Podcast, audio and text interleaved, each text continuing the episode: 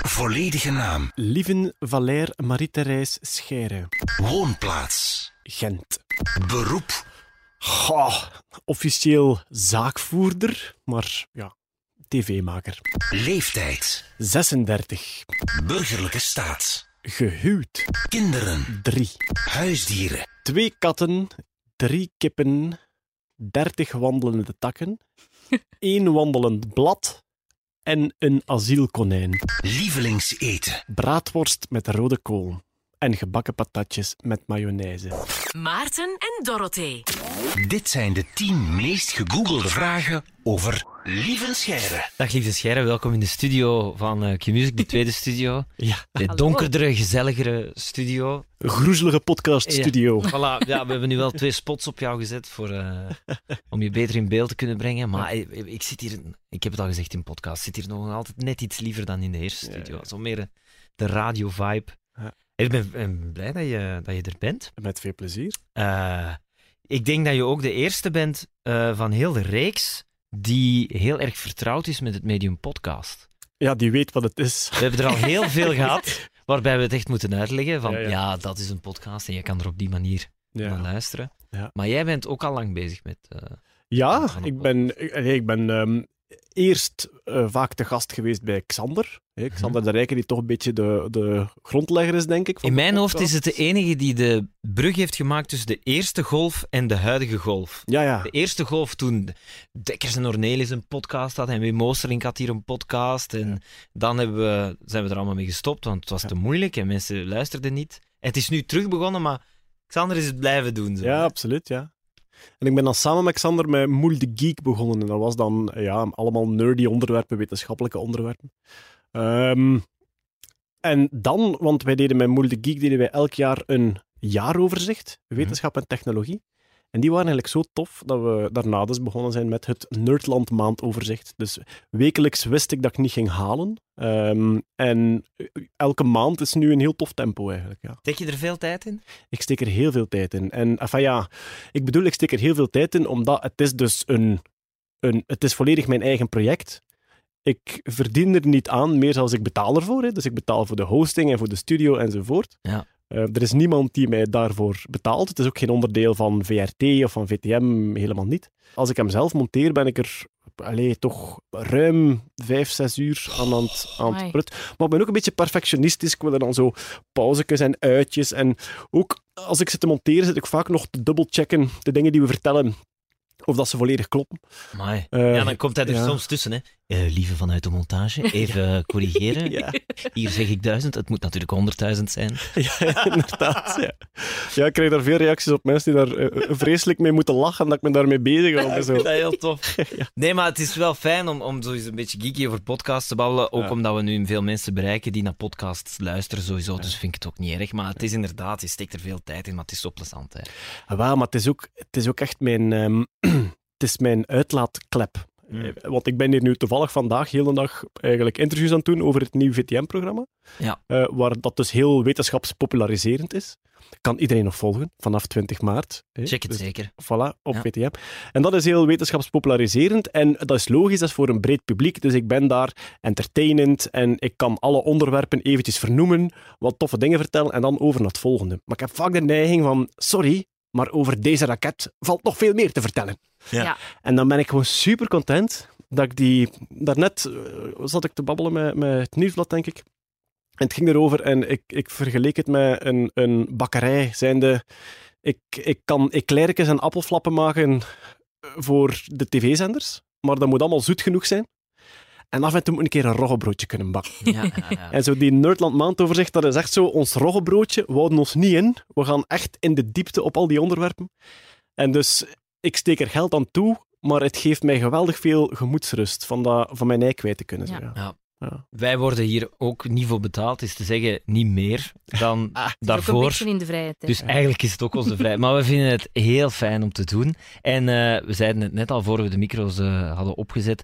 Het is Google zelf die de vragen doorstuurt. Dus eh, we steken ook wel wat tijd in de voorbereiding en zo. Ja. Ehm, de eerste vraag die we vaak stellen aan, aan mensen, en dus nu ook aan jou, is: Google jij jezelf vaak? Ehm, ik google mijzelf als ik een foto van mijzelf nodig heb. Oké. Je hebt niet ergens zo'n map op je computer met foto's van jezelf dan. Jawel, maar ik, ben, ik ben eigenlijk geweldig slordig, ook wat aan mijn computerbestanden betreft. Ah ja. En dat is, dat is ook toch weer een beetje een wonder van deze tijd.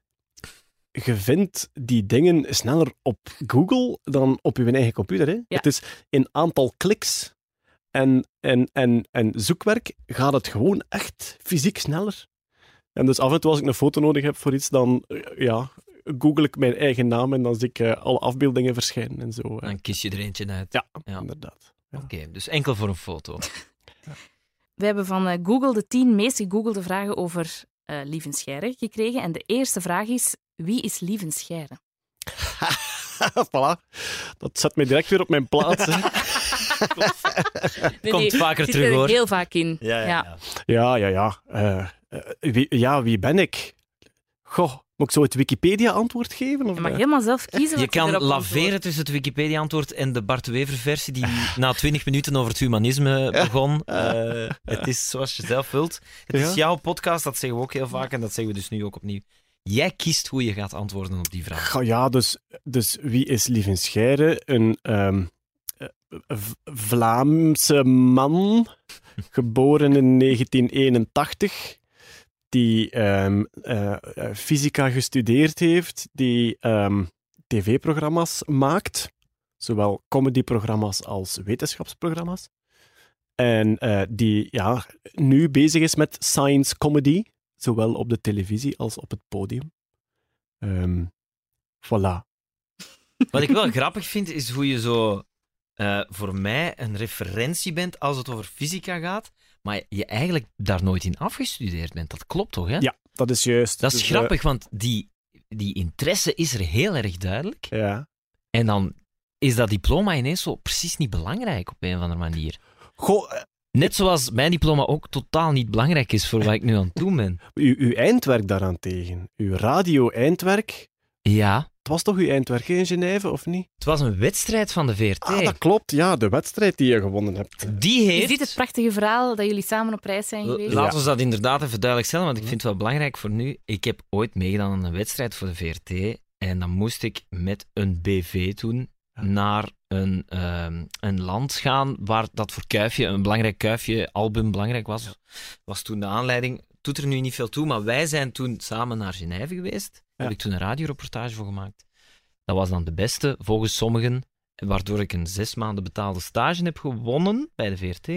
En dan is het voor mij wel vertrokken, zo op een of andere manier. Dus ja, dat was eigenlijk belangrijker voor mij. Er heeft nooit iemand naar mijn diploma gevraagd of Ja. zo. En ik heb het gevoel dat dat bij jou ook zo is, dat die interesse voor wetenschap veel belangrijker is dan. Maar ja, ik ben eigenlijk... Ik, ben, ik heb, eh, tijdens mijn studententijd ben ik direct met stand-up comedy begonnen. Ja. En dat was net op het moment dat stand-up comedy in Vlaanderen geweldig populair aan het worden was. Dus dat was echt in een golf waar Wim Helsen uitkomt, waar Wouter de Pre uitkomt, eh, Freddy de Vadder, eh Gunther Lamoot. Enfin, echt zo de, de, eerste, Ja. de eerste bulk. Ehm, dus dat ging, dat ging snel eh, goed, die comedy. En toen was het voor mij een beetje een wedstrijdje. Wat gaat er eerst echt uit de startblokken schieten? Mijn natuurkunde of mijn comedy? En eh, dat was dus de comedy. Dus ik zat in mijn laatste jaar natuurkunde als wij met neveneffecten een tv-programma mochten maken bij Woestijnvis. En ik moest dus nog één jaar afstuderen. Eh, ik moest nog één jaar eh, afmaken om afgestudeerd te zijn. Maar toen had Wouter van Nouten al gezegd, is goed. Ja. Ja, oké. En natuurlijk, dan zitten met de vraag... Enfin ja, de vraag... Ik heb daar niet lang over moeten nadenken. Maar dus, je, je kunt dan zeggen van... Ik ga eerst mijn diploma halen. Maar de vraag is... Gaat Wouter van den Houten volgend jaar nog altijd zijn? Het is goed. Ja. En dus heb ik direct gezegd van... Jongens, kijk, die studie gaat even in de ijskast. We proberen dat op tv. Dat was toen ook nog gok. Ehm, ik zat toen met het idee van... Ja, eigenlijk 50-50 kans dat dat lukt of niet lukt. En als dat niet lukt... Had het niet gelukt, dan zat ik gewoon het jaar daarop... eh, terug aan het UNIF om dat laatste jaar te doen. Ehm, sinds, dat wij, sinds dat ik voor tv werk, heb ik nog altijd het plan van ooit, ooit, ooit werk ik die laatste vakken nog af. Waarom? Ja, het is geweldig boeiend, sowieso. Ehm, ja, het voelt ook een beetje onafgewerkt. Ook, allee, het, het, wordt, het wordt vaak gebruikt in, in discussies. Hè. Als mensen mij een verwijt willen maken of mij niet geloven, dan komt het... Allee, dus Oh, face, Facebook en Twitter, Oh. ja, dan, dan steken ze het mij altijd Ah, door. want ik wou even Oh, vragen, is het dan om te lachen op, op café of mensen die het echt wel menen? Zo van, Nee, nee, echt wel, ja. ja, Ah, ja, als, er, als, er iemand, als er iemand het niet eens is met iets dat ik verteld heb, dan gaat hij dat altijd Ah, gebruiken. Ja. En op zich, dat is, dat is misschien de meest dwaze motivatie om het toch nog af te maken. Maar ehm, Ja, ja, ja. ja, dat speelt ook wel mee. Dus goed, ik heb dat laatste jaar niet gedaan. Het laatste jaar is het specialisatiejaar. En dat heeft een voordeel en een nadeel. Namelijk, het feit dat ik het niet gedaan heb, heeft een voordeel en een nadeel. Het nadeel is, dat is meestal het meest boeiende jaar. Omdat je dan echt kiest voor subatomaire fysica bijvoorbeeld. Tuurlijk. Het grote voordeel is, ja, het voordeel is, mijn algemene opleiding heb ik wel volledig gehad. Dus eh, die, ehm, met hetgeen dat ik nu doe als wetenschapspopularisator, heb ik uiteraard alleen maar die algemene kennis nodig. En als ik, Ja. ja. als ik een specialist nodig heb, dan zoek ik die op. Dus als wetenschapspopularisator zij er niet zoveel met één specifieke specialisatie, vooral met die algemene kennis. Ja. En daar bedoelt je dus mee dat iedereen kan volgen met popularisator zijn. Dat het, dat het te Ja. volgen is voor iedereen. Dat Ja. je niks van wetenschap moet kennen om het te Ja. snappen hoe jij het vertelt. Ja, wel, omdat je, ja, ik, ik, eh, ik moet mij richten naar het brede publiek. Ja. En ehm, dan gaat dat meestal over algemene zaken en niet over één bepaald aspect van de Ja. subatomaire fysica. Je bent dan bij Woestijnvis begonnen, dan is het... ehm, allee, dan, dan, nu ben je ondertussen van alles anders aan het doen. Ja. Dat is natuurlijk een minder steady carrière dan de collega's die bij jou in de klas zaten op dat moment. Ehm, ja, heb je eh, nooit spijt gehad of zo? Nee. Ik veronderstel van iets, daarom dat ik zo in die Ehm, richting duw. Ik zou heel graag, ik zou heel graag eh, in het onderzoek terechtgekomen zijn. Dus heb ik er spijt van dat ik nooit echt academisch natuurkundig onderzoek kunnen doen heb? Ja. Maar het weegt niet op tegen wat ik wel mogen doen heb, natuurlijk. Dat is, al ja, er zijn... eh, ik heb redelijk wat klasgenoten die wel die geweldig boeiende dingen kunnen doen hebben. hè. Er, is, er zijn er een paar die in CERN gewerkt hebben. Er is er eentje die eh, overwinterd heeft op de Zuidpool om daar met ehm, eh, detectoren onder het ijs neutrino's te zoeken die uit het heelal gevlogen kwamen. Wow. Negen maand op Antarctica, maar echt op de, op de Zuidpool zelf. Dus op het exacte punt waar de Zuidpool is. Daar Hmm. staat een Amerikaanse basis en daar heeft zij dus negen maand verbleven. Dat zijn fantastische dingen om te doen. Dat is grappig, want Lieven en ik zijn dus samen naar het CERN geweest Ja. in Zwitserland. Dat Ja, is toch daar met die deeltjesversneller en zo? Hè? Ja, voor mij was dat allemaal heel abstract, maar ik heb een mens zijn oog nog nooit zien, zo zien fonkelen.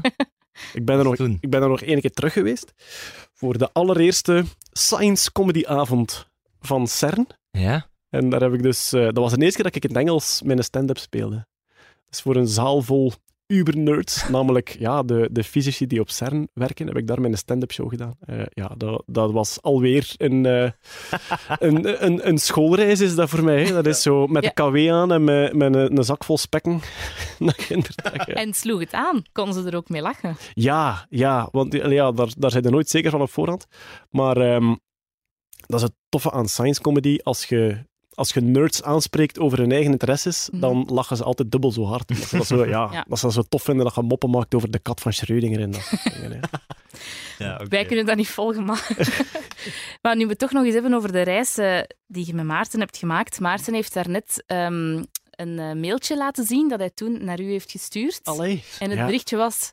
Hallo, ik ben Maarten. De rest zien we nog wel. Groetjes, Maarten. Ja, dat is nu... Ja, Hoe was Maarten eigenlijk tien jaar geleden om mee op maar vakantie weet, te het, gaan? dat weet Lieven niet meer. Ja, maar jawel, dat was, ja, dat was, dat was echt zo. Die, het, het vingerspitsengevoel voor dat radio maken zat er sowieso in. Dus je merkt zo dat, dat oor voor geluid, ook voor ambient geluid, daar rond. Ja? En zo die interviews. Ik was toen ook, ik was toen eigenlijk heel onervaren ook in tv of media, radio zeker, nog nooit gedaan. En als je dan zo, ja, ik liep ook maar gewoon rond en ik antwoordde op de vragen. en dan hadden uiteindelijk de montage, maar ook met, Ja. de, met de ambient stukken ertussen en, en de geluidsmontage. En dan hoorde wel van, ah ja, tje, die wist precies wat hij aan het doen was. Amai. dus ja, ja, dat Terwijl ik eh, eigenlijk ook niet zo goed wist wat ik aan het doen was. Maar in ieder geval, was het was wel toeval. heel leuk. En ik Ja. herinner me ook nog, er toch Trip Down Memory Lane, nog één ding heb je me ook toen heel erg geleerd daar. Iets wat ik nog altijd gebruik en doorvertel aan mensen. Dat is heel stoem. Maar we zaten toen in een chic restaurant, want we waren er met de Franstaligen. En de Franstaligen hadden toen meer geld. Juist. En, die, eh, en we mochten allemaal mee met de Franstaligen van de RTBF in een chic restaurant. En ik voelde me toen heel slecht, want ik kende niks van die kaart en ik voelde me heel onwennig. En dan, dan zei Lieven, het is de taak van de ober om u op uw gemak te doen voelen. Klopt. Ja. Dus trek het u niet aan. Ja. Doe gewoon uw eigen ding. Je moet niet doen alsof je hier niet... Je moet je sowieso thuis voelen. Ik heb, dat, ik heb dat toen gezegd omdat mij dat zo geleerd is, omdat ik ook altijd veel te nerveus was op chique bedoelingen. Ja? En altijd zat te draaien en constant die neurose van misschien doe ik hier iets heel lomp. En ik had dat toen heel erg. Voilà. En dat heb je toen doorprikt. Je hebt gezegd, Maar ik vind doe dat... nu even eh, chill. Ja? Jij zit hier te gast. Ze moeten verdorie maar zorgen dat je Ja. je goed voelt. Ik vind dat een supergoeie tip eigenlijk. En sindsdien zit ik altijd relaxed op restaurant. Altijd. Zie wat Ah, je hè. gedaan hebt, lieve. Ja, maar ja, e- eigenlijk zou ik moeten terug gaan zoeken wie dat tegen mij verteld heeft. Sandy Toxvie heeft. Sandy Toxvie is nu de nieuwe presentatrice van QI, het Britse programma Ja? van BBC. En die heeft daar ooit een boek over geschreven. Zij is opgegroeid. Haar vader was correspondent buitenland van de Deense tv. Dus die heeft over heel de wereld gewoond. En zij heeft een boek geschreven over etiketten. En eh, zij schrijft ook in een boek dat alles daartoe, alles valt daarin samen te vatten. Namelijk, je probeert u te gedragen zodat de anderen zich ook op hun gemak voelen. En door zelf op je ongemak te zijn, doe je dat niet. Ja. En je hebt natuurlijk zo de, de etikettengoeroes en de fatsoenridders die, die denken dat etiketten gaat over ik weet hoe het moet en jij niet en ik ga je keihard verwijten dat je niet weet hoe het moet. Ja, ja, ja. Die zijn gelukkig in de minderheid en die snappen niet waar dat voor dient. Voilà, maar dus eh, nu Ja. we toch aan het afwijken waren. Ik vond Ja. dat niet. Dat heeft toen indruk op Ja. mij gemaakt op een of andere manier. Ehm, de tweede meest gegoogelde vraag is: waar is Lieven Scheire opgegroeid? In Wachtebeke. Het mondaine Wachtebeke. En dat is dus een ehm, typisch Vlaams landelijk dorp Meetjesland noemen ze dat ook wel, hè? Dat is het Meetjesland. Dat is de grens van het Meetjesland. Ja. Het Meetjesland stopt eh, na Wachtenbeek en dan wordt het Waasland, Moerbeke-Waas. Ja, ja. Ja. Dus En- tussen Gent en Lokeren zo ongeveer. Ehm tussen Gent en Nederland. Tussen Gent... Ah, ja, ja, ja, ja. Als, je, als, je van Gent, als je van Gent naar Terneuzen rijdt, dat Ja. is dus recht omhoog, dan Ja. heb je eh, net voor de grens heb je links Zelzaten en rechts Wachtenbeke. Oké, dus heel dicht bij Nederland. Ehm, ik denk dus van mijn huis, als ik, als ik vijf kilometer naar het noorden fietste, was ik in Nederland. En als ik vijf kilometer naar het zuiden fietste, was ik in grondgebied Gent. Maar dan heb ik het echt over die een lange staart omhoog Ja, aan de ja. haven van Gent. Hè, ja. Ja, ja. Ja. En hoe was het om daar op te groeien? Ik heb daar heel graag gewoond. Ehm, ik heb zelfs altijd gezegd, als ik zelf, eh, ik heb altijd gezegd, als ik zelf kinderen krijg, ga ik terug op platteland gaan wonen. Dat is mislukt. Ja, want je Ehm, woont in Gent, hè? Maar mijn kinderen zijn heel content. We hebben een groot nof en, en die gedijen heel goed in, eh, in zo die stadse sfeer. Maar is het dan dicht bij de stad? Als je een grote hof hebt en zo, dat lijkt me toch allemaal niet zo evident. Ah, wel, dus ja, we, we hebben heel veel chance gehad van iets te vinden net waar de stad, eh, waar de echte dichtgebouwde stad stopt. Hè. Ja, ja. Wij wonen naast een park en onze tuin grenst aan dat park. En ook naast Ehm, je neef zeker? Is dat ja. nog altijd? Ja. Dus dat is, daarom hebben we ook een grotere tuin, omdat we de twee... Ja, het is Ja. één tuin voor ons. eh, Ah, echt? Ja, voor ons Dus, twee. Met Jonas Schernaert, voor de mensen Ja. die dat niet weten. Ja, Inderdaad. Dus dat, we hebben eigenlijk één groot huis gekocht en daar twee kleinere huizen van gemaakt. tof. Ehm, ja, en dus eh, de bus stopt voor de deur en die brengt u in zeven minuten naar het centrum van Gent. Wauw. Eh, ja. We zijn zeer content, ja. Was je als kind al een beetje een, een nerdy figuur? Of is die interesse zo pas later? eh? Ik ben, ik ben nooit de vormelijke nerd geweest. Dus ik had, ik had lang haar en eh, combats en ehm, Metallica t-shirts. Dus wat dat betreft was ik, was ik niet het soort Harry Potter-achtige Ja, ja. nerd met het hemdknopje tot boven toe, integendeel zelfs. Ehm, van interesses heeft dat er altijd wel in gezeten, ja. Zo, fysica was mijn favoriet vak, wat dat niet echt gangbaar is in, in de middelbare school, maar dat was wel.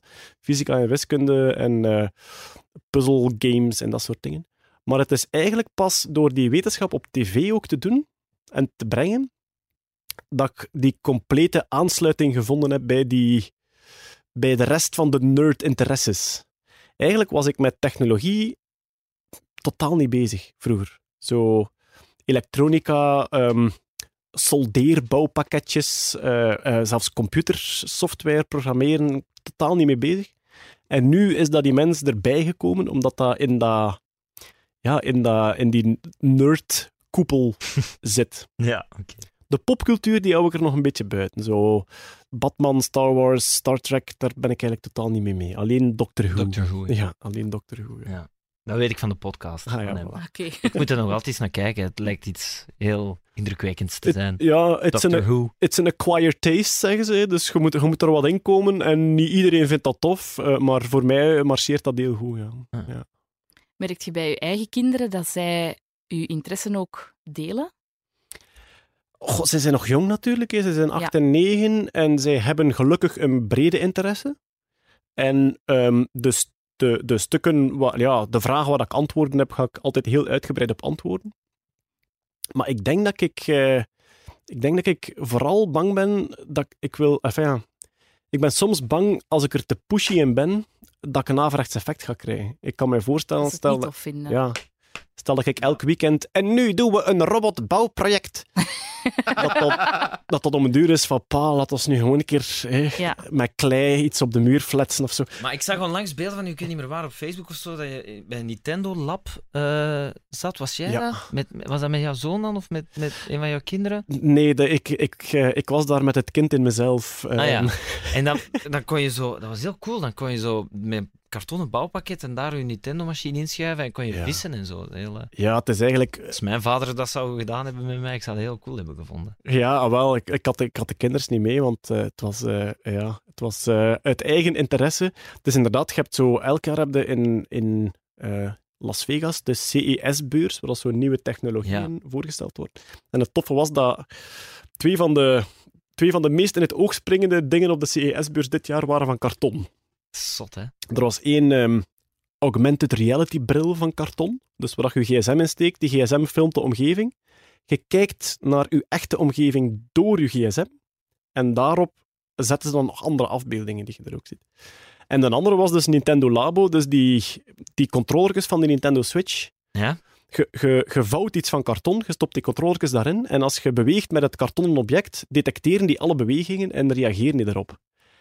En ja, wij mochten dus een namiddag gaan spelen op Technopolis met zo dat Nintendo Labo-ding. En het, is, ja, het is eigenlijk een fantastisch idee. Zodat je bouwt een pianotje van karton en je stopt daar een controller in en je speelt erop en dat, daar komt muziek uit. En je bouwt inderdaad een vislijn van karton, je steekt er een controller in en je gooit met die vislijn je lijn uit en op je tv. Zie je... Maar ja, en je trekt eraan en er zit dan zelf zo een kartonnen draaierken aan, dat je zo rak, tak, tak, tak, tak, je lijn kunt inhalen. en dus die, een, die een ehm, controller van binnen zit een cameraatje op, die ziet hoe snel dat, dat draait, die vertaalt dat in je tv, en dus je zit echt met een kartonnen vislijn op je tv een vis aan het ophalen. En dus, ehm, ja, ik, ik, ik vrees dat ik een nog ga moeten kopen. Maar Ja. ik ga wel, Het ja... gaat moeten, het gaat moeten. Ja, ik weet dat ik er niet meer aan onderuit ga geraken. Ja. Maar bij de papa die zoveel weet over natuurwetenschappen, stellen kinderen niet heel vaak zo dat soort vragen. Weet ik veel. Waarom? Waar, waarom is de aarde rond? Waarom? Of waarom is de... Dat is wel handig natuurlijk. Ja, maar ze Of weten ook, ja, wel, ze, ze, ze weten dat ze een papa hebben die graag antwoordt. Waar, het, waar ik het het eerst aan gemerkt heb, want allee, ki- kinderen, eh, kinderen zijn vaak heel slim op gebieden waarvan dat je ja, het niet had verwacht of niet had gehoopt.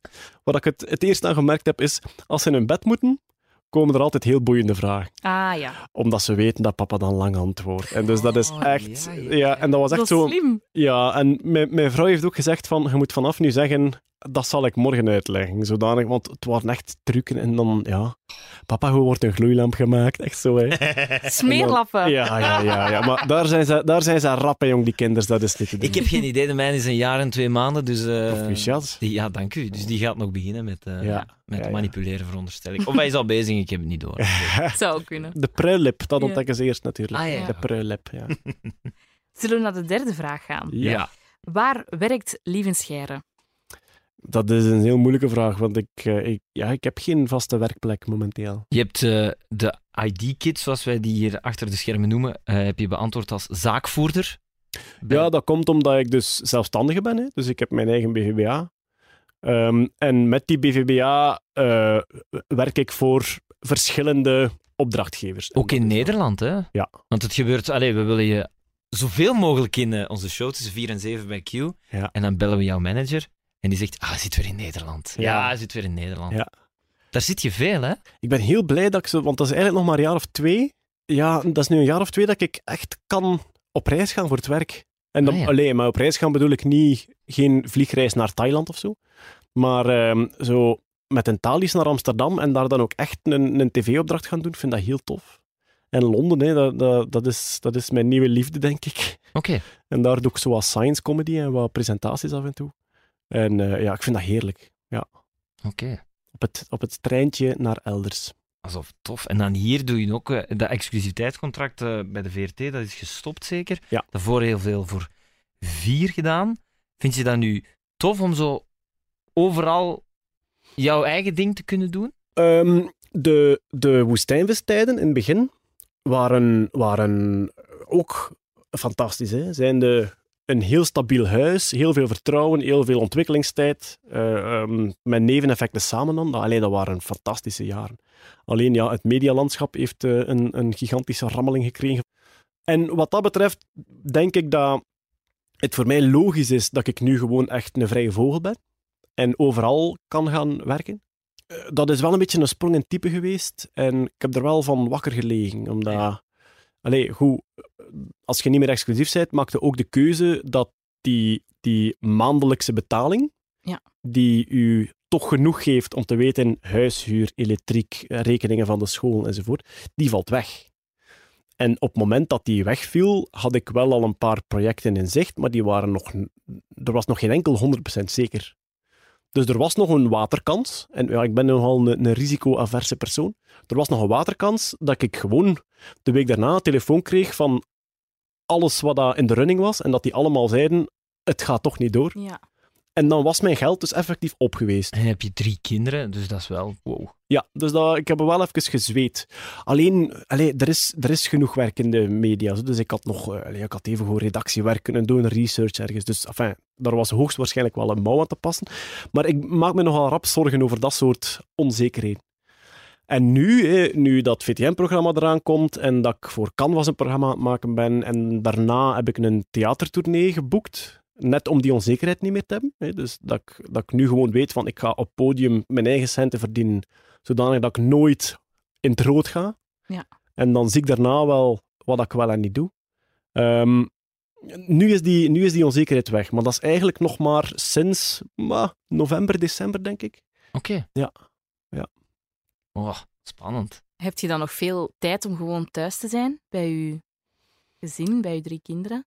Ehm, na nieuwjaar heb ik eigenlijk in, in, eh, in januari heb ik voor het eerst sinds lang een redelijk eh, een relatief rustige tijd gehad. En relatief rustig wil zeggen dat ik zo eh één of twee avonden per week en in het weekend een halve dag echt op het gemak thuis kan zijn. Ja. Maar ik werk ook voor een groot stuk thuis. Hè. Dus als ik thuis ben, hangen er altijd nog 15 e-mails te wachten. Moet ik nog een tekst schrijven voor het een of het ander. Ehm, ja, en dat is vaak moeilijk. Dat je, ik heb die een overgang niet, want nu ben ik aan het werken, nu ben ik thuis. Ja. Maar ehm, ja, gelukkig ben ik dol verliefd op de kindjes. Dus als die dan thuiskomen van school, is het wel gemakkelijk om alles even te laten liggen. Ja. En soms mag ik mijn eigen wijs van gewoon een half uur beneden en dan terug boven. Maar ja, meestal is dat dat toch tot ze in haar bed liggen. Ja. Ja. De vierde vraag is: Heeft Lieven Scheire een boek geschreven? Eh, ja en nee. Eh, ik heb een boek gedicteerd. Oké. nee, ja, gedicteerd is eigenlijk, is eigenlijk ook een verkeerd woord. Ik heb ehm, na... Ja, twee keer. Hè, dus één, één fysica-boek.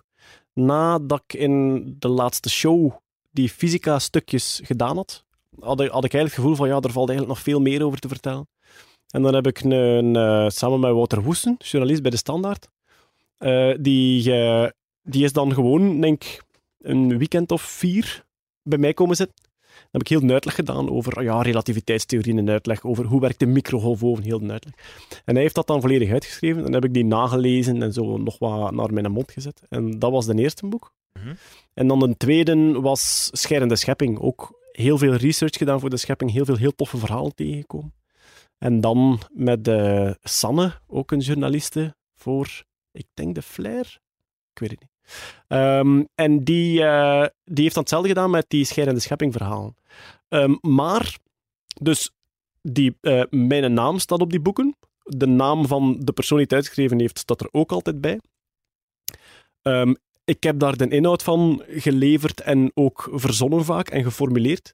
Maar het verschil met iemand die echt een boek schrijft, is voor mij nog wel, nog wel iets belangrijk. Ik vind zo het, het proces van echt zelf heel uw tekst uit te tikken enzovoort. Ik heb daar een, een, een redelijk grote bewondering voor.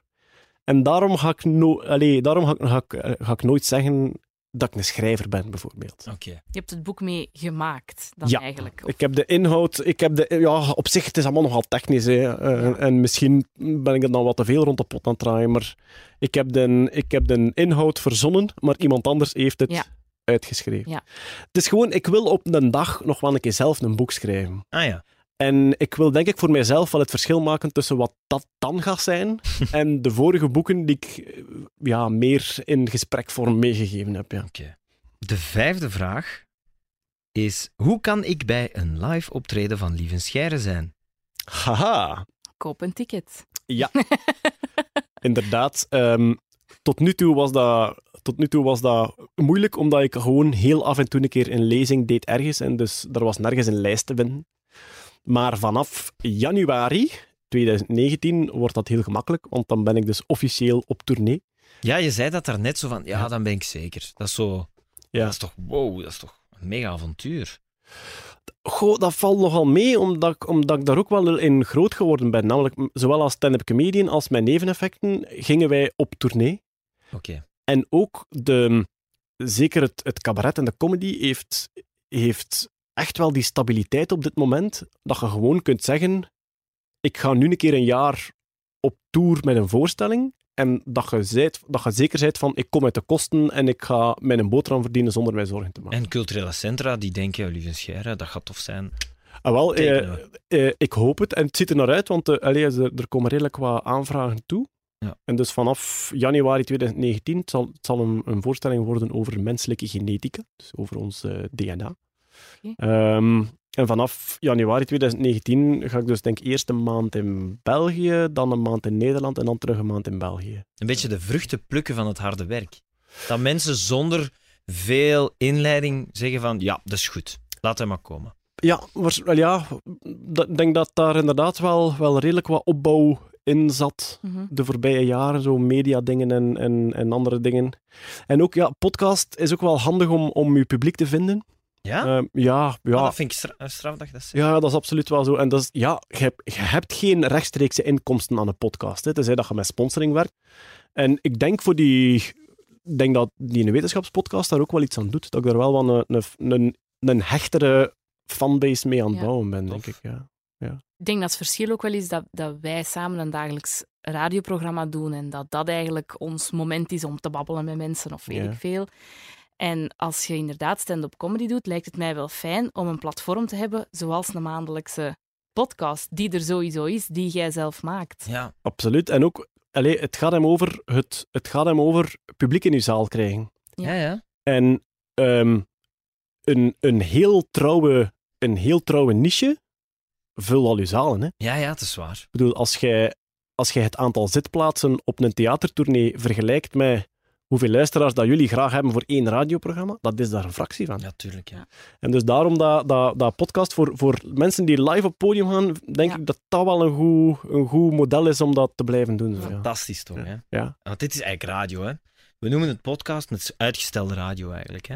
Goed, Vind de, ik wel. de manier waarop dat we aan het babbelen zijn, en dat vind ik, dat vind ik al... Allee, dat, dat toont dat jullie weten wat een podcast is. De manier waarop dat wij aan het babbelen zijn, is veel minder gepolijst dan op de radio. Mhm. We Ja. pakken onze tijd. Ja. Eh, we zitten niet te wachten op een jingle, de volgende muziek moet op, enzovoort. We zitten niet met die nervositeit van, is het flitsend genoeg, is het boeiend genoeg? Je hebt podcast als technisch gegeven, namelijk een heel lang stuk geluid. Dus ja, eigenlijk als je, ja, meestal een half uur of langer, Mhm. een heel lang stuk geluidsmontage, of meestal zelfs ongemonteerd, dat je aanbiedt. En dan heb je podcast, vind ik, als sfeer en als genre. Als zijnde, je zit ongedwongen bij elkaar en je babbelt zo normaal mogelijk. Er zit weinig, er zit weinig gepolijst op je accent, op, op de onderwerpen. Mhm. Het mag heel organisch van het een en het ander overvloeien.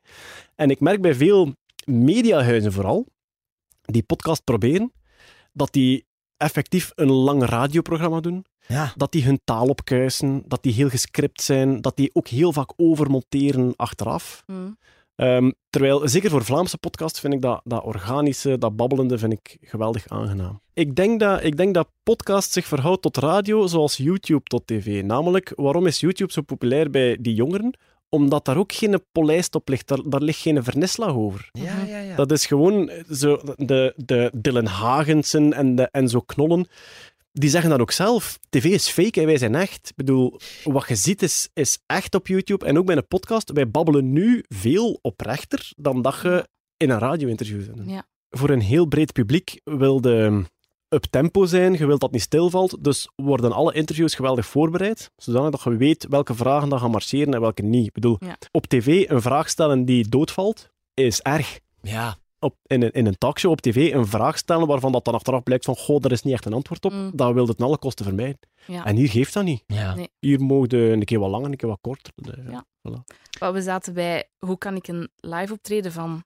eh, hoe kan ik daarbij zijn? Een live optreden van Lieve Scheire. Maar hoe, hoe begint je daar nu aan? Die show die je vanaf 2019 dan wilt doen, is dat met een team? Schrijf je dat helemaal zelf? Eh, ik, heb, ik heb het geluk dat het gaat dus over dat onderwerp, over die genetica. Ja.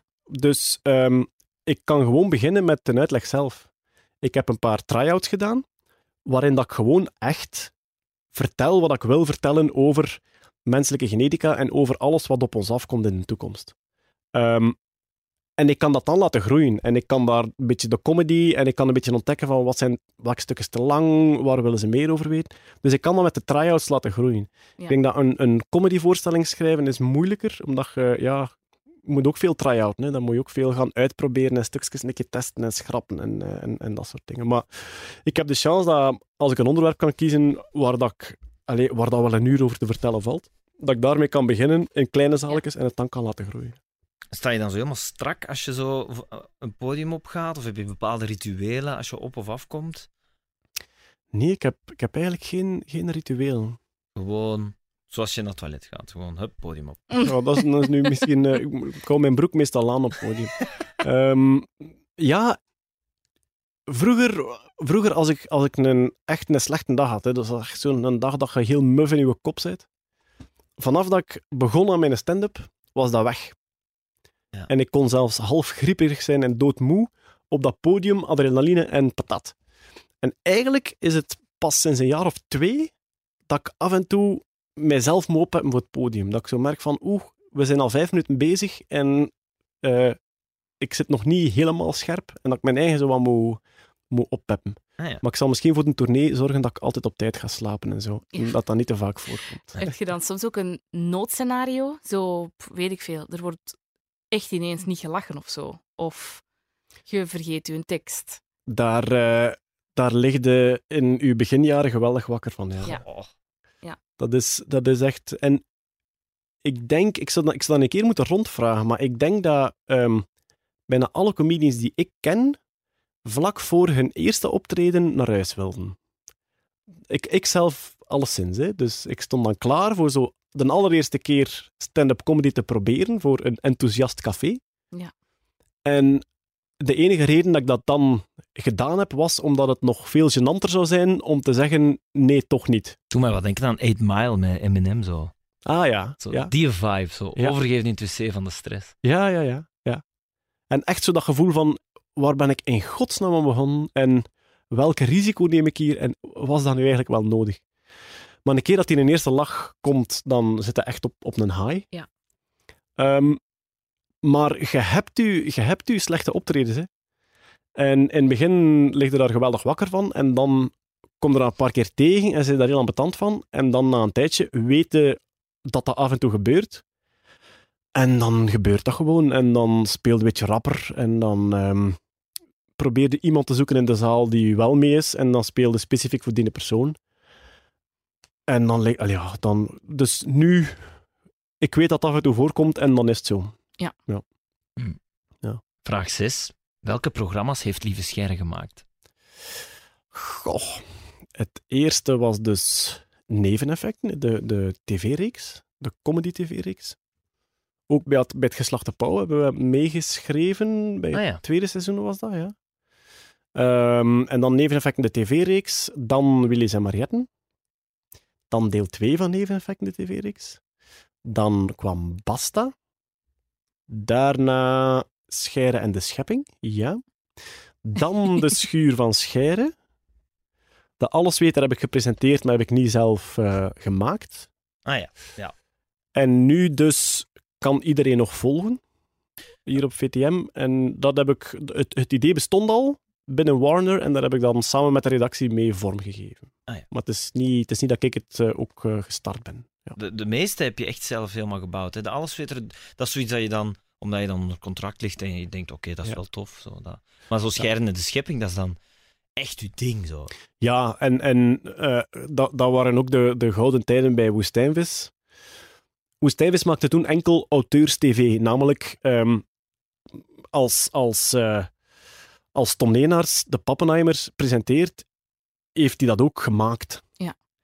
En ehm, ja, dat, wel, allee, dat geeft wel de meeste voldoening. En dus die, die fictiereeks van neveneffecten, eigenlijk van, van, van concept tot acteren, hebben wij met ons vier gedaan. Met een kleine ploeg Ja, zelf alles doen. alles. Hè. Maar ja, dat is het. Hè. Dus een beetje tegenovergestelde van Amerikaanse tv, waar dat je één een art director hebt en een script editor en een casting directeur, andere regisseur. Enfin ja, En bij ons was het, scenario's waren van ons, de, de, de regie, we hadden gelukkig wel beeldregie, hè. dus we hadden gelukkig wel, eh, wel goede beeldregisseurs die er in de gaten hielden, maar wij deden de spelregie van, van elkaar, van onszelf. Eh, de scenario's en de montage zaten we ook bij. Van begin tot einde zaten we bij de montage. Dus dat was van begin tot einde van ons. Volgens mij is dat nog altijd een soort van geheim om echt keigoede tv te maken. Natuurlijk. En ja. volgens mij is dat ook de, de reden van het succes van de Koppesbroers hier in huis. Ja. Omdat zij die gasten zijn die dat zelf maken. En Ja. ik vind, daarom gaan ze ook zo lang mee hier al. Ja, ja klopt. Je voelt dat gewoon. Ja. Ja. Hè? Ja, die, eh, die zitten inderdaad van begin tot einde op het, eh, op het hele proces. En dat zorgt dat het een, een eenvormigheid heeft. Hè. Echt, hè? Ja, ja, zeker. Ja, ik, ik vind dat heel cool. Ik vind dat heel tof. Ja, uiteraard maken wij ons programma ook zo. Ja. En ik zou het eigenlijk echt niet anders willen. Ja. Ik zou echt zot worden als, als iemand zegt, ja, straks om tien over vijf doen we dat, Maarten. Hier is de voorbereiding. Ja. Nochtans is dat vaak wat ik doe voor hem. Maar Van nu kan ik dat hebben. Nee, nee, maar ja. fijn. Zullen we naar de volgende vraag gaan? Ja. Vraag 7. Lieve Scherre, hoe vang je een internetcrimineel? ja, ik denk dat die vraag gegoogeld wordt, omdat dat een van onze populairste filmpjes bij Basta was. Eh, toen dat we de, de, de hackers voor de gek gehouden hebben. Hè. Dus met de, de scambaiting. Dus reageren op dat soort mails die je probeert in de luur leggen. Daarop reageren en die zo lang mogelijk aan het lijntje houden. Ja. Ja, dat was zo bijvoorbeeld een, een, een vage mail van stort zoveel euro en Ja. dan er blijven op. Ik- Ja, ik herinner mij dat wel nog vaag. Wat ik mij nog beter herinner is met die container bij, eh, Bij Mobistar. het Mobistar.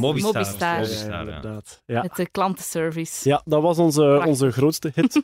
Anderhalf miljoen views op Ja. YouTube eh, destijds in, in, in het Engels. Hè. Die is dan een beetje internationaal rondgegaan ook. Ja. ja. Stel, je krijgt echt carte blanche voor tv maken, echt qua idee. Het mag kosten zoveel als dat je wilt. Wat zou je dan graag maken? Op dit moment, goh, dan zou ik geweldig twijfelen tussen echt eh, opnieuw zo een, een gescripte comedyreeks met neveneffecten. Mhm. Ofwel een, een wetenschapsprogramma met hele grote eh, bouwsels en verzinsels. eh. Of zo'n reisdocumentaire. Je hebt, op BBC had je vroeger The Story of Science. Dat was dan een, een documentairemaker die het hele, de hele opbouw van de huidige chemie en fysica en geneeskunde ging reconstrueren. Maar die echt telkens naar de plek ging waar het gebeurd was. Van in dit laboratorium of in dit sterrenobservatorium in India zat op dat moment. En die was over heel de wereld. Dat is wel vet. Ja, en dat zou wel heel tof zijn. Ja. Ja. Ja, dus als iemand dit hoort met veel geld. Ehm, de achtste vraag is: welke komiek is het idool van Lieven Scheire? Dat zijn er een paar. Ehm, ik ga eh, Eddie Izzard kiezen. Eddie Izzard is eh, een Britse comedian die zich vaak, eh, die vaak vrouwenkleren aandoet. Dus die eigenlijk... Het is, hij is geen transvrouw, want hij, hij, hij, hij is een man. Mhm. Hij is een hetero man, maar hij kleedt zich graag als vrouw. Oké. Het is niet dat hij de, de echt vrouw wil worden lichamelijk Nee. of zo. Hij wil gewoon graag vrouwenkleren aandoen. En hij noemt het Universal Clothing Rights. Dus ehm, Ja. Eh, hij zegt, eh, vrouwen hebben al jaren het recht om alles aan te doen. Die mogen broeken en hemden en alles dat je wilt. Ja. En hij wil hetzelfde voor mannen. Ja. Hij zegt, als ik een, een rok wil aandoen en hoge hakken. En het gekke is dat, dat, hij, dat hij er geweldig mee wegkomt. Dat, de eerste keer dat je hem ziet, denkt hij van, wa- waarom is die zo gekleed? Mhm. En na twee keer is het gewoon en is het geen issue niet meer. Ehm, maar los daarvan, is, allee, op zich is dat maar een bijkomstigheid. Zijn comedy is gewoon fantastisch goed. Dus Eddie Izzard, denk ik, mijn favoriete show is Dress to Kill. En ehm, ja, geweldig, geweldig clevere humor. Eh, ja. Moet En- je eens opzoeken. En op tv denk ik dat Charlie Brooker is. Charlie Brooker heeft, heeft Black Mirror geschreven, de scenarist daarvan. Maar die maakte daarvoor al eh, fantastische satirische programma's. eh Screenwipe en Newswipe, waarin dat hij de wetten van de tv fileert. En eh, ja, dat is een andere favoriet van mij. Vraag 9. Lieven Scheire, dubbelpunt, Googleman. Het grote mysterie. Wie was Googleman? Het was Scheiden in de schepping, hè? Ja. Toch? Maar wacht, eentje schepping. was toch Pedro Elias, hè? Nee, Nee? Pedro Elias was niet betrokken bij Googleman. Nee. Dus als we Googleman kort dacht uitleggen, dat was eigenlijk een soort van stem die we tijdens het tv-programma Scheiden en de Schepping konden horen en die dan zo snel dingen kon opzoeken. Een filmpje tonen over, maar die kwam niet in beeld. En mensen willen dus graag weten, Wie die goddelijke Wie entiteit dat was. is. Ja, maar- ja, dat is... eh, was het één persoon of was het zoals Big Brother meerdere personen? Zelfs dat zijn allemaal geruchten. Zo'n beetje Big Brother of the Stick. En ik vind het grappig dat je tussen alle onnozelheid door je echt wel volhoudt om het niet te, te zeggen. Nee, nee, ja, Dat vind ik heel is- cool. Dat, dat, dat zou zondige zijn tegen mijn religie, hè. Googleman. Ik moet, die, eh, moet absoluut anoniem blijven. Nee. En wij hebben contact met Googleman voor deze vragen. En wij, wij weten het ook. Nee. Vraag 10? Ja, dan zijn we bij de laatste en eigenlijk weten we het al een beetje. Ja, eigenlijk is- weten we het al. Wat is Lieven Scheire zijn volgende comedy show? Ah ja, voilà, Dat inderdaad. hebben we eigenlijk al beantwoord. DNA en genetica. Is dat Dus ook de, de dat naam van de, de- voorstelling? Of? Ehm, ik ben nog aan het zoeken naar een naam. Ah ja, Ik denk dat, dat we het nu verkocht hebben als eh, live uit Nerdland ja. DNA en genetica. het is verkocht, maar we zien nog wel hoe. Ja, maar dus als je ooit naar een comedyvoorstelling gaat en je vraagt je af waarom er zo'n gekke titel op staat die niet past bij de inhoud, dat is omdat je een titel moet verzinnen anderhalf jaar voor je première. Ah, ja. ja. Om En dus- in alle boekjes al te komen. Ja, en iedereen Ja, kiest ja. zoiets heel vaag. Die culturele centra willen dat allemaal in de folder zetten. Ja. Ja. En iedereen kiest zoiets heel vaag, omdat je nog niet weet waar je naartoe gaat. Ja. Good to know wel. Ehm, er is nog wel één ding wat ik me afvraag, wat ik graag aan u eh, wil stellen, een vraag. Ehm, van alle dingen die op de planning staan, van uitvindingen die in de winkel gaan komen, en wat denk je dat het meest gaat aanslaan? Wat doen we nu niet en binnen vijf jaar allemaal? En dan denk ik aan bijvoorbeeld in 2007 eh, iemand die zegt binnen tien jaar allemaal smartphone. Ja. Nee. Ja. Maar zo wat nu en binnen vijf of, of zes of zeven of tien jaar sowieso allemaal. Ehm, ja, sowieso weten niet, maar mijn, mijn grootste vermoeden is dat die ehm, eh, home automation, dus eh, het feit dat je hebt nu al domotica, Ja? maar die, ehm, zo die home assistants, die voice assistants, dus zoals dat je nu in Engeland en Amerika al geweldig veel ziet, dat er zo een, een, een box op je tafel staat, Ja. waar dat je van alles aan kunt vragen, waar dat je boodschappenlijstjes op kunt maken. Als je een van Amazon hebt trouwens, een Amazon Echo is dat denk ik, die dus zelfs verbonden zijn met een Amazon online winkel en die boodschappen leveren. Ja. Dus als jij je ijskast open doet, en dus dat bestaat nu al, hè? alleen nog niet in België. Als je je ijskast open doet en de melk is op en je zegt Alexa, de melk is op, dat die zegt geen probleem en dat er dus twee uur later een levering komt bij je thuis van melk. En daar denk ik dat, echt, dat er echt wel aan komt. Dus over tien jaar denk ik dat wij allemaal babbelen met ons huis, dat ons huis naar ons luistert, naar, naar ons gewone spraak. Mhm. En dat je dus dingen zegt als eh doe de gordijnen eens toe en dat dat dicht gaat. Of ehm rijdt een auto eens voor en dat een auto voor. Want die zelfrijdende auto's, dat, allee, ja, of dat, nu 10 of 20 jaar gaat duren, weet ik niet. Maar die komen er sowieso. Het heeft trouwens ook een eh, uitdaging voor opvoedende mensen, voor ouders, omdat de meest duidelijke manier om met zo'n machine te co- connecteren en te, te converseren, is heel duidelijke bevelen geven. Ja, En dus alsjeblieft of zo, dat is al wat moeilijker. Dus ik, Ja. doe de gordijnen toe! ja. je kunt dat dat wel is- programmeren. Hè? Ja? Ja, ja, Dat tuurlijk. liever mag. Ja, ja, je kunt gewoon... dat je alsjeblieft moet zeggen. Ja, je kunt gewoon zeggen, je kunt de machine programmeren dat als de kinderen iets vragen en het is niet beleefd, dat die mag weigeren. Maar ja, Ja, natuurlijk. Of Ja, misschien tuurlijk. kinderslot, dat de kinderen niks mogen vragen. eh, of of Ja. er wordt elk uur eh, melk ja, en ijsjes en, en koeken geleverd voor de kindjes. Het staat in zijn kinderschoenen en we gaan er nog maleuren mee tegenkomen. Ja. South Park heeft er een mop mee uitgehaald. Ehm, dus eh, ja, mensen in Amerika die zaten te kijken naar South Park en de Alexa stond aan. En ze riepen in South Park, opzettelijk, riepen ze... eh, Alexa, zet 16 roze dildo's op de shoppinglijst. en dus al die Alexa's die binnen het bereik van het geluid van de tv stonden, die deden dat ook. Oh. En dus mensen kwamen in de winkel en opeens stonden er 16 roze dildo's op hun shoppinglijst. En er zijn, moet maar, op YouTube zie je de beelden van mensen die zitten kijken en die Alexa die effectief antwoordt naar de tv dan. Ja, het moet nog een beetje afgesteld worden. Maar dat gaan we allemaal nog ontdekken en we Ja, gaan nog maar leren. En effectief kinderen die ontdekken dat ze koeken kunnen laten leveren, komt allemaal en dan gaan we dat moeten oplossen met, met stemherkenning en Ja. kinderslot en dat soort Ja. dingen. Ja. Dan zijn we rond Ja, met deze podcast. Ehm, ik zou nog kunnen vragen naar uw levensmotto, want ik vond dat vorige keer met Nathalie Meskis heel tof. Goh, Als je dat snel kunt zeggen, maar anders laat Dat, dat, verandert heel vaak. Dat verandert heel vaak. Dus momenteel, momenteel heb ik er eh geentje. Misschien Pantarei, dat is de, ja, de, de, de Griekse spreuk. Alles beweegt, alles stroomt. Zij de, eh, je, moet, je moet niet zo heel hard vasthouden aan hoe de zaken zijn. Veranderingen zijn onvermijdelijk. En ja, Ja. zo gaat dat. Hè. Dankjewel voor de wijsheid, lieve. merci hè. Jo. Dank u.